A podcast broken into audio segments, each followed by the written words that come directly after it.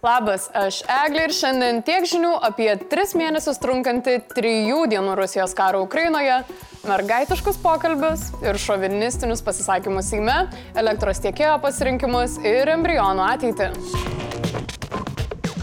Šiandien trys mėnesiai, kai fantazijų pasaulyje gyvenantis apsibesdėjęs senukas nusprendė užpulti laisvą Ukrainą.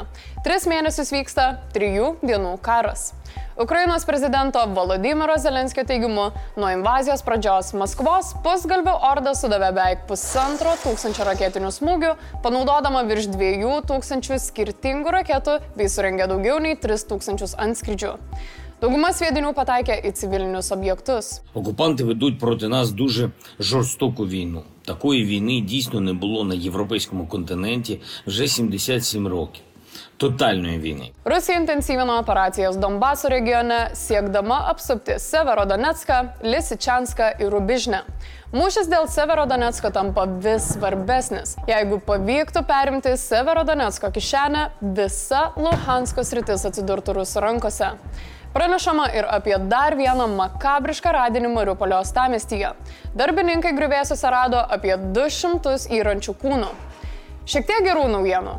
Nors rašistų kariuomenė mūšiuose dėl Donbaso turi 20 kartų daugiau technikos nei ukrainiečiai, vakar vykusiame sąjungininkų susitikime apie 20 šalių pasiūlė naujų saugumo pagalbos paketų Ukrainai.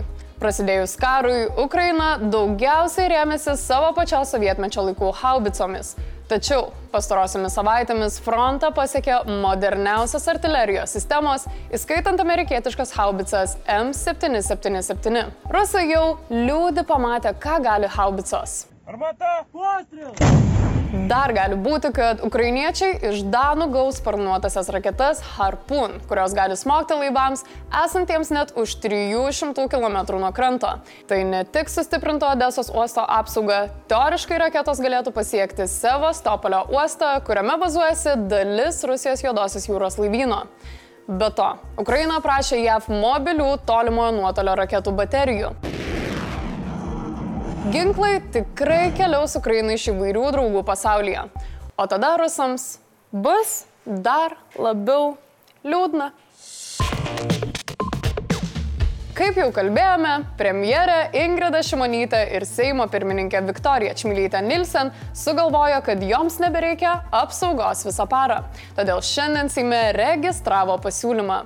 Toks uh, lydinčių pareigūnų ir e, automobilių ir visų kitų a, dalykų a, paradas, koks paprastai lydi saugom asmenį, jis e, yra labai sunkiai paaiškinamas kažkokiais a, racionaliais argumentais. Šimonytė pasiūlymą iliustravo. Šiuo metu, jeigu aš tarkime pasakau, kad į renginį valdovų rūmose aš eisiu pėsčiomis ir pareisiu pėsčiomis, mane lydi du automobiliai ir aš niekaip negaliu jų atsisakyti. Kitaip tariant, kai kuriais atvejais norisi daugiau privatumo. Pasiūlymas nepatiko valstiečiui Dainiui Gaižauskui, kuris švelniai tariantame išvelgia įdomią priežastį. Apsauga ne tik dėl jūsų saugumo skiriama. Apsauga taip pat skiriama tam, kad mus visus, tai yra valstybė, piliečius taip pat apsaugot nuo galimai jūsų neteisėtų veiksmų, veiklos, skaidrumo, kad neprieitų prie, neprieitų prie jūsų su dėžutėm, kad suprantat, ne, nesugalvotumėt, kada žolės parūkit. Na ir dar pridėjo. Gal jums ir atrodo moteriškai, kad nereikia tos apsaugos, gal jums norisi moteriškai pakalbėti tarp jūsų, kaip ten sako, mergaičių ir taip toliau, bet neįsižeiskit. Tokie pareiškimai papiktino socialinės apsaugos ir darbo ministrę konservatorę Moniką Navickienę, kuri rėžė tiesiai šviesiai. Kolega, galėtumėt prevenciškai kada nors į veidrodį pasižiūrėti, nes realiai taip, kaip jūs atrodot ir kaip jūs kalbat, kaip jūs žeminat moteris, yra gėdinga šitame parlamente. Jeigu viskas, ką jūs sugebate pasakyti apie premjerę ir Seimo pirmininkę, yra apie siekius mergaitiškų pokalbių, tai aš norėčiau pasakyti, kad jūs esate tiesiog užkėtėjęs senas šovinistas. Idiotas, ne šovinistas. Seksistinės Gaižausko replikos jam gali atsirūkti.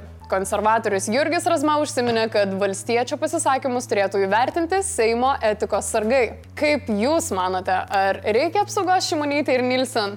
Parašykite man komentaruose ir nepamirškite uždėti like.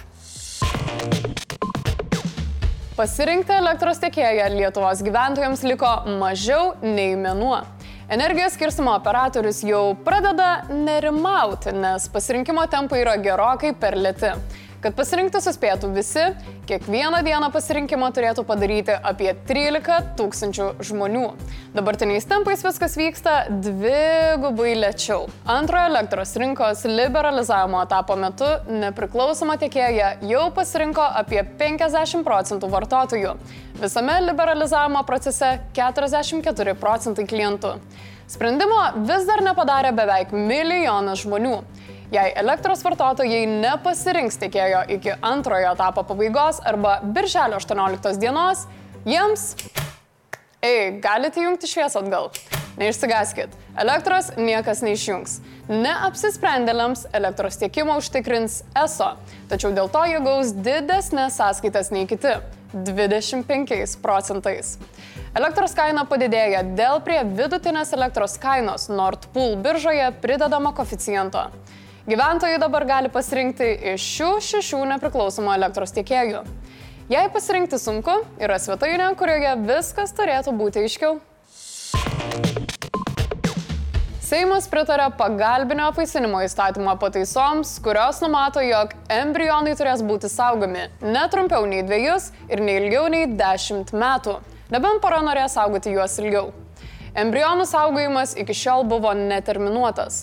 Pataisas inicijavusios Seimo narės teigia, kad tai yra neracionalu ir dėl finansinės naštos atgraso vaikų susilaukti negalinčias poras. Dviejus metus nuo pagalbinio apvaisinimo proceso pradžios embrionų saugojimas būtų finansuojamas valstybės biudžeto lėšomis. Vėliau pora turėtų susimokėti pati. Embrionų saugojimas kasmet gali atsieiti iki 500 eurų. Tokia neterminuota investicija nelabai patiko žmonėms ir medikai sakė, kad apie 20 procentų asmenų, kurios turi mokėti už embrionų saugojimą, to nedaro. Seimo narys Paulius Saudargas siūlė, kad pora embrionų saugotų savo lėšomis netrumpiau nei dviejus metus, o tuomet jų saugojimą perimtų valstybė ir saugotų netrumpiau nei 80 metų, nes tiek vidutiniškai gyvena žmogus. Bet tam nepritarė sveikatos reikalų komitetas. Labiausiai dėl pataisų pasipiktino Rita Tamašūninė, kuri tvirtino, kad Seimas imasi Dievo vaidmens. Ir be abejo, Agne Širinskinė. Pastaroji aiškino, kad Lietuva dabar bus vienintelė šalimi, kuriai embrionų naikinimas yra šeimos politikos dalis. Taip pat Agnes savo Facebook'e pacitavo kardinolą Sigitą Tamkevičių, kad visi, kurie balsavo už, yra negimusios gyvybės sunaikinimo bendrininkai ir už tokius bairius jiems grėsia ekskomunika. Taigi, Dabar, atsistojus prieš Šventą Petrą, 68 Seimo nariai, daugiausiai konservatoriai, liberalai, laisviečiai, tarbiečiai, sosdemai ir vienas valstietis eis tiesiai į pragarą, 28 į rojų, o 20 į skaistyklą. Štai toks serialas Lost gaunasi. Blitz naujienos. Dėl vidaus reikalų ministerijos darbuotojų galimai patirto mobbingo organizuojamas vidinis tyrimas. Ministerijos darbuotojai skundžiasi dėl dviejų vadovių vykdomo psichologinio smurto, iš darbo per daugiau nei metus išėjo daugiau kaip 20 žmonių.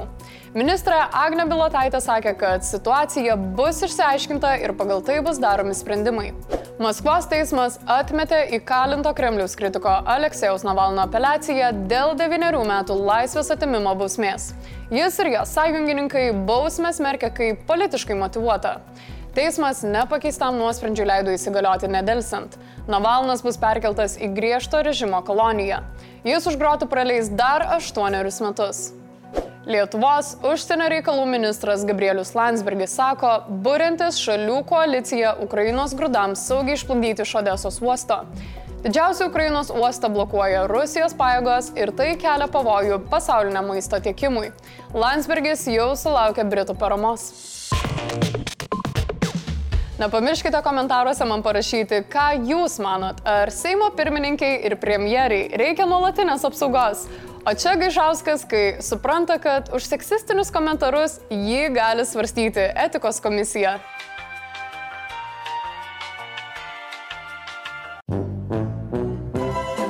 Čia buvo Eglė, šiandien tiek žinių ir iki.